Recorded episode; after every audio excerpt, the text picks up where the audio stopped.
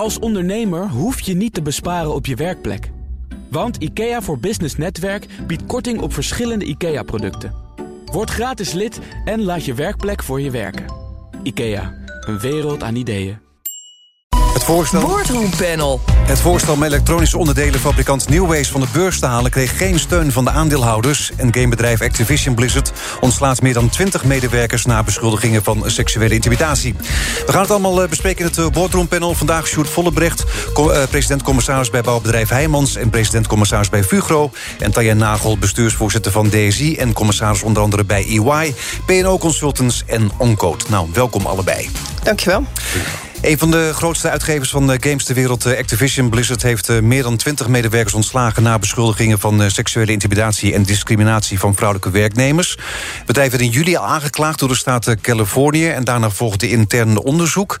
Is het ontslag dat, nu een teken dat de klachten op de werkvloer serieus worden genomen?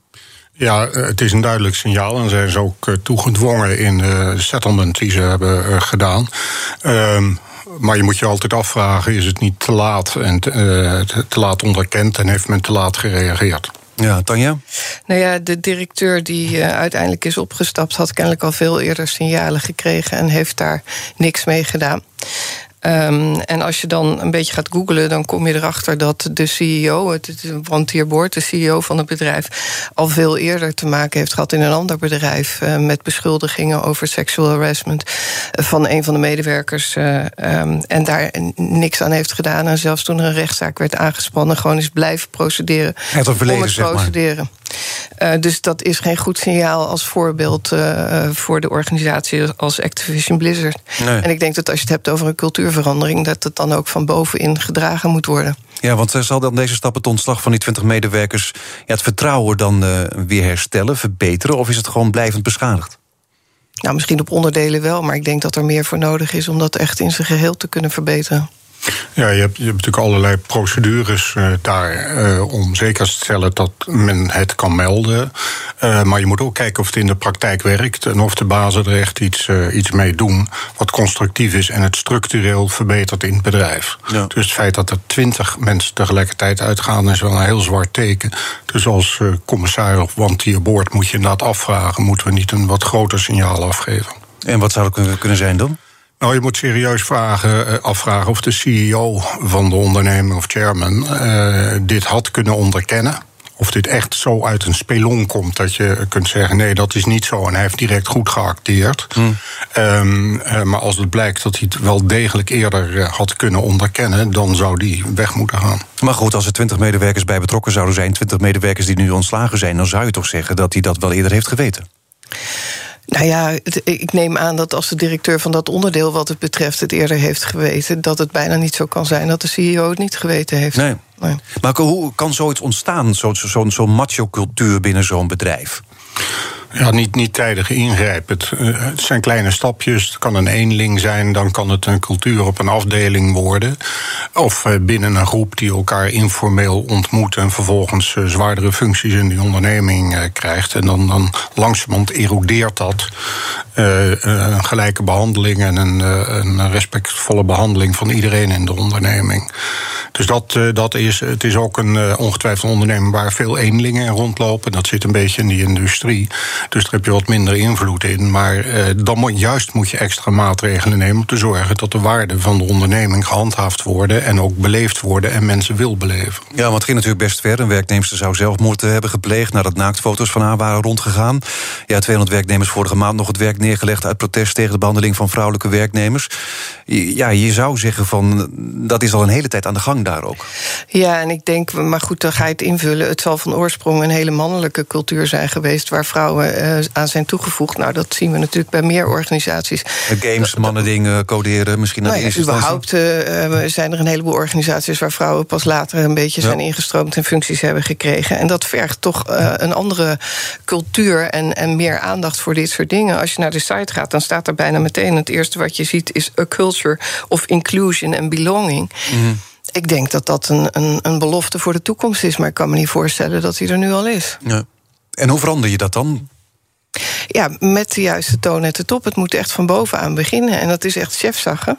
En als, als, als deze Bobby Kotick, die daar nu de CEO is, uh, daar niet de geschikte persoon voor is, dan zou de Raad van Commissarissen daarop moeten ingrijpen. Ja, dus inderdaad de CEO dan weg. Dat is de ja, eerste stap. Dat, dat is uh, één. Het gaat een hele tijd nemen om het vertrouwen terug te krijgen. En uh, dat is toch belangrijk ook voor je toeleveranciers en mensen of ze bij je willen werken of niet. Dus je hebt een primair belang dat goed te doen.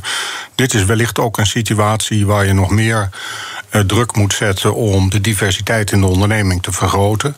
Uh, verschillende culturen, vrouwen, andere achtergrond. Uh, om te zorgen dat er een nieuwe systeem ontstaat van denken en handelen die ver afwijkt van het oude.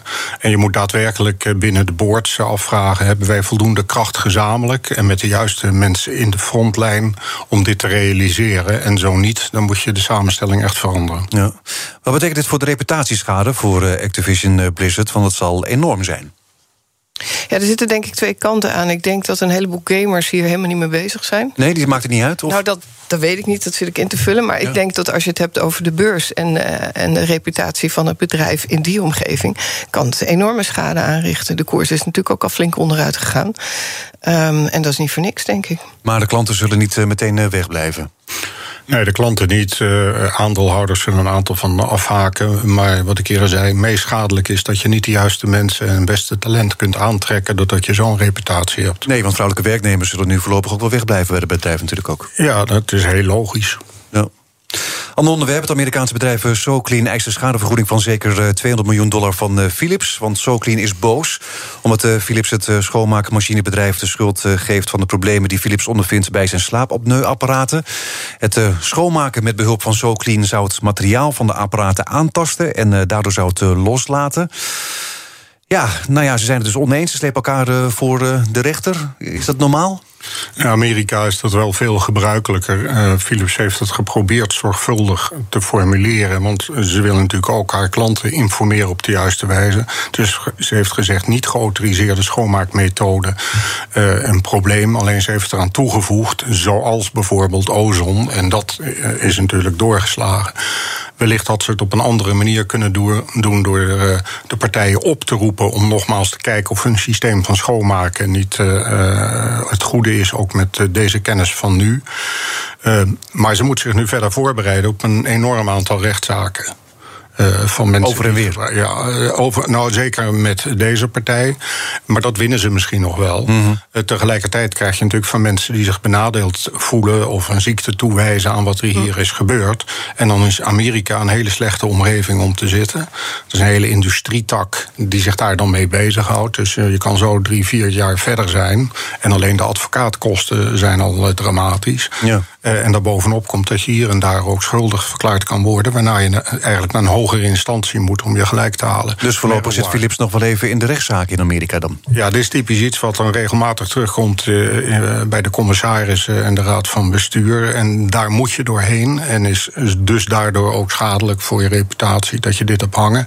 Alleen in Amerika gebeurt het zo vaak dat bijna alle bedrijven dit wel hebben uh, van enige naam en faam. Dus daar schrikken ze dan weer wat minder van. Maar mm. het is zeer, zeer vervelend. Ja. En dit akkefietje inderdaad tussen die Soclean en, en, en Philips, hadden ze die beter samen kunnen oplossen om in ieder geval die rechtszaak dan te vermijden? Ja. Nou ja, ik denk dat dat is wat Sjoerd zegt. De, de vraag is, was het nou logisch om, om dat uh, een stuk te noemen... Hè, dat het met ozon te maken had? Of had je moeten zeggen, ja, het is niet een goedgekeurd systeem... en het aan uh, hen zelf over te laten? Want hiermee leg je natuurlijk wel meteen een enorme schuldvraag uh, op tafel.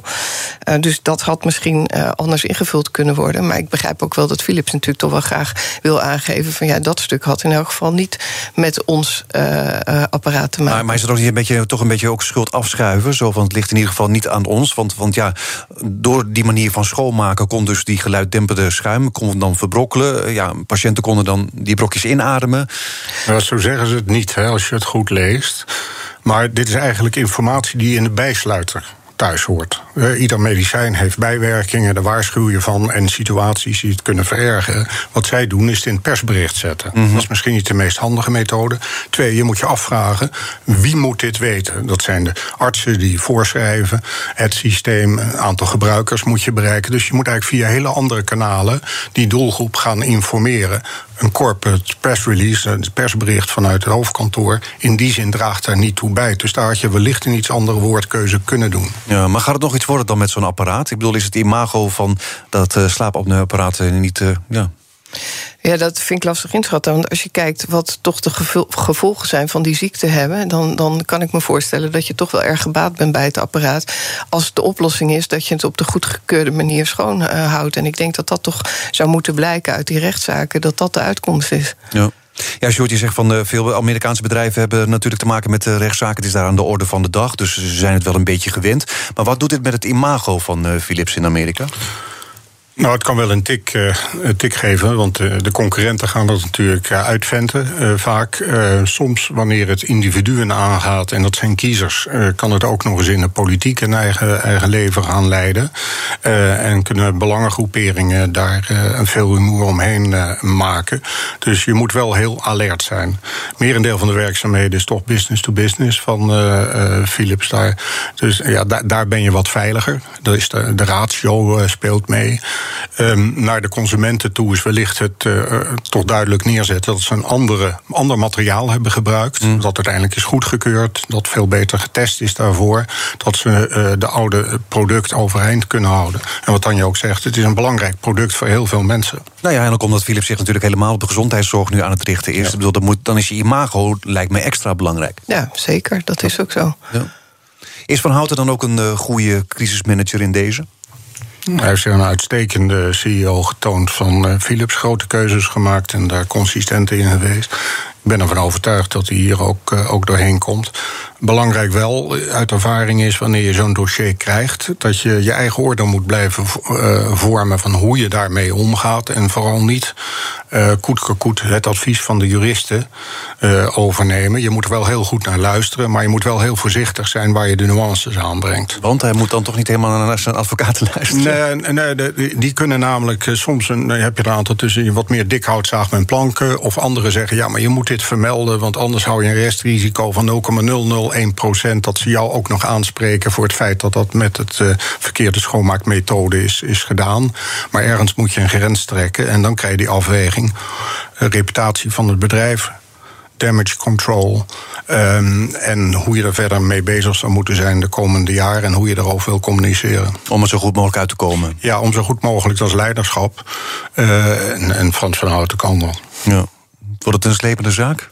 Nee, dat denk ik wel. En ik denk ook, uh, wat je nu leest, is dat hij het ook met name heeft over dat het heel veel tijd gaat kosten voor medewerkers. En ik denk hier en daar dat het ook belangrijk is om de doelgroep er ook bij te betrekken. Het feit dat patiënten zich nu onzeker voelen, is denk ik ook belangrijk om daar aandacht voor uh, te hebben. Maar het zal wel zeker niet zomaar afgelopen zijn, want in Amerika, wat Sjoerd zegt, daar staat de advocaten gewoon in de rijen klaar om al deze patiënten te gaan verdedigen. Zaken doen. Edwin Mooibroek. Ja, we zitten midden in het uh, boardroompanel en vandaag met uh, Sjoerd Vollebrecht... president-commissaris bij bouwbedrijf Heijmans... en president-commissaris bij Fugro. En Tanja Nagel, bestuursvoorzitter van DSI... en commissaris onder andere bij EY, P&O Consultants en Oncode. Bij de overname van uh, Newways, de Brabantse fabrikant van elektronische onderdelen voor de auto- en chipindustrie, door investeringsmaatschappij Investos, is een kink in de kabel gekomen, zo meldt FD. Een voorstel om Newways van de beurs te halen kreeg geen steun van de aandeelhouders. Ja, Investos heeft in juni een overnamebod gedaan op uh, Newways. Gaat dit een probleem zijn voor de overname? Ik denk dat een horde is die te nemen is. Ze, ze doen bod gestand bij 60 procent. Um, uh, het is een, uh, en dit was eigenlijk de vraag van... stel dat we 85% van de aandelen in handen hebben... kunnen we dan de rest ook van de beurs halen... volgens hm. zo'n uitrookprocedure. Ja. Um, het is een nadeel als dat niet kan, want maakt je hele financieringsstructuur als overnemende partij lastiger en je hebt ook een aantal andere zaken. Maar normaaliter komen ze wel over deze orde heen. Ja. Want grote aandeelhouders, zoals uh, VDL, die stemmen tegen. Ja, maar die zullen uiteindelijk toch ook kiezen voor het feit dat ze uh, grotendeels moeten blijven samenwerken daarna. Dus ik denk dat die, uh, het feit dat ze tegen waren ook te maken heeft met dat hun eigen bod is afgewezen eerder. Ja, ze hebben eerder zelf een bod gedaan, inderdaad. Ja, maar ik denk dat dat ook een keuze is waar je uiteindelijk wel voor zal willen gaan als VDL. Want waarom strippelen ze dan in eerste instantie nog een beetje tegen? Ja, ik denk ook, de, uh, VDL is een uitstekend bedrijf... die ook wel zijn eigen visie heeft wat ze willen betalen voor een bedrijf en waarom. En dan zitten ze iets eerder aan de onderkant van de bandbreedte... maar vinden vaak nieuwe manieren om een bedrijf goed rendabel te maken. Ja, hier hebben ze gemerkt dat er een hogere marktwaarde was... en dat gat hebben ze niet gedicht. Um, dan wordt ze gevraagd om op de weg naar de finish een bepaald recht op te geven. Mm. En dan kan ik me indenken dat ze zeggen: ja, dat gaan we niet doen. Daar hebben wij niets bij te winnen als uh, VDL. Uh, maar uiteindelijk komen partijen wel weer bij elkaar. Nou ja, ze werken natuurlijk ook nauw samen. Dus ze moeten ook wel samen door één deur kunnen blijven gaan. Ook. Ja, dat is wat ik net bedoelde. Uiteindelijk ja. kies je daar dan toch voor, denk ik. Ja. Want is het logisch dat de meerderheid van de aandeelhouders niet wil dat het van de beurs wordt gehaald? Nou, ze zeggen, niet, uh, ze zeggen dat de uitrookprocedure niet automatisch ingezet kan worden per 85 procent. Um, het is wel zuur voor een aandeelhouder wanneer je zegt een bedrijf heeft uh, onvoldoende gepresteerd en uh, door een nieuwe aanpak, daar zijn ze mee bezig, uh, is de kans groot dat het verder gaat renderen. dat je dan vroegtijdig moet uitstappen, terwijl je misschien wel de eind van de rit wil meemaken. Tegen een hogere koers dan? Ja, tegen ja. een hogere koers. Ja, wellicht ben, heb je ook hoger ingestapt. Maar goed, dat is eenmaal het spel aan de beurs. Mm -hmm. Dus ehm, dat, dat kan zuur zijn voor een wat kleinere aandeelhouder tot die groep behoren niet de grote aandeelhouders in het bedrijf. Die, uh, die kunnen ook rekenen en zien wat ze ervoor krijgen, wat het waard is. En uh, reflecteert dit afdoende de toekomstige potentie ook. Maar wat is het voordeel om het van de beurs te halen? Ja, je, uh, je, krijgt een bepaalde rust voor een, een periode. Je wordt zwaarder gefinancierd. Uh, maar dat is meestal wel te overleven. Vervolgens kun je alle middelen die dan in de onderneming extra aanwezig zijn als je de rente hebt betaald, inzetten om de transformatie te doen. En een jaar minder resultaat wordt je niet zwaar aangerekend als het past in een plan om een veel sterker bedrijf voor de lange termijn neer te zetten. En dit bedrijf wil, wil de elementen waar ze wat hoger in de waardeketen zitten, uitbreiden. Nou, die tijd krijg je onder een investeringshuis. Die vinden dat prachtig en verdienen daar ook hun geld mee. Ja, maar je... En je hebt ook wat minder met wet en regelgeving te maken waar je als beursgenoteerd bedrijf natuurlijk wel mee te maken. Ja, maar jullie denken dat het allemaal wel doorgaat uiteindelijk? Het is nog even een beetje tegenstribbelen. Denk het wel. Ja. Denk het wel, ja. Facebook dan. Het is van plan om het eh, bedrijf volgende week een eh, nieuwe naam eh, te geven. Het gaat hier om het concern Facebook... dat achter de sociale platformen Facebook, Instagram en WhatsApp zit. Gisteren was platform-expert Martijn Arets bij ons te gast... en hij zei er het volgende over. ten eerste ligt natuurlijk het imago van Facebook de laatste jaren... maar ook zeker de laatste maanden zwaar onder vuur. Het heeft natuurlijk impact op de, op de lading van het merk... En natuurlijk is de vraag in hoeverre gebruikers ook echt zich iets van aantrekken. Het is natuurlijk duidelijk dat er iets moet, uh, moet veranderen. En wat dat, wat, wat dat betreft is het natuurlijk geen uh, toeval dat Facebook juist nu met deze wijziging lijkt, uh, lijkt te komen. Ja, dat is de reden omdat ze zoveel onder vuur, flink onder vuur liggen dat ze nu de naam gaan wijzigen? Ik weet niet of dat de reden is, maar het is ongetwijfeld een van de redenen om dat te doen. Want wat zou de reden kunnen zijn dan? Nou ja, wat ik ervan gelezen heb, is dat, nee, überhaupt hè, denk ik dat het goed is dat je onderscheid maakt tussen uh, Facebook als, als uh, platform, uh, social media en het hele concern. Want dat betreft natuurlijk veel meer dan alleen dat. En wat ik begrepen heb, is dat ze aan het bouwen zijn aan een metaversum. ik vond het prachtig om te lezen. Heel mooi inderdaad. ik zag het ook inderdaad. waarbij dan denk ik. Precies, hè? Ja, precies. Dat, dat begrijp ik zeker niet. Maar ik kan me wel voorstellen dat als je met dat soort dingen bezig bent, dat het ook goed is dat je een, een, een holding hebt met een andere naam. En het zal echt geen toeval zijn dat dat komt op een moment waarop Facebook onder vuur ligt. Ja, want wat, wat, wat, wat zijn dan de voordelen om zo'n holding met een andere naam uh, op te richten? Ja, kijk, waar ze naartoe willen, misschien moet je de film Blade Runner zien. Dan zie je ongeveer de toekomst tussen mens, artificiële robot en artificiële intelligentie. En die, die grens wordt dunner, dat wordt verweven. Uh, ja, wat verstandig is als je een sterk technologiebedrijf hebt, en dat hebben ze als kern. Dat is meer business to business om dat te separeren en te zeggen aan de voorkant heb je de labels die naar de consumenten gaan, mm -hmm. Facebook. Dan wordt je gehele concern niet beschadigd als er iets ontstaat bij een van de uh, platforms. Net zoals Google vroeger ook heeft gedaan met ja. alfabet erboven hangen. En, uh, ja. Ik denk dat dat één reden is, dus verstandig is om dat te scheiden. Want die platformen kunnen zo machtig of zoveel weerstand oproepen dat je dan het hele concern ermee beschadigt en je andere labels. Tweede is dat deze partijen zo groot en zo machtig gaan worden... dat je langzamerhand ook ont fake nieuws, hoe ze gebruikt worden... wellicht weer de kant uit gaat, zoals met de oliebedrijven, de Seven Sisters... die overal in zaten om ze op te breken. Dit kan ook een methode zijn om dat risico te verminderen.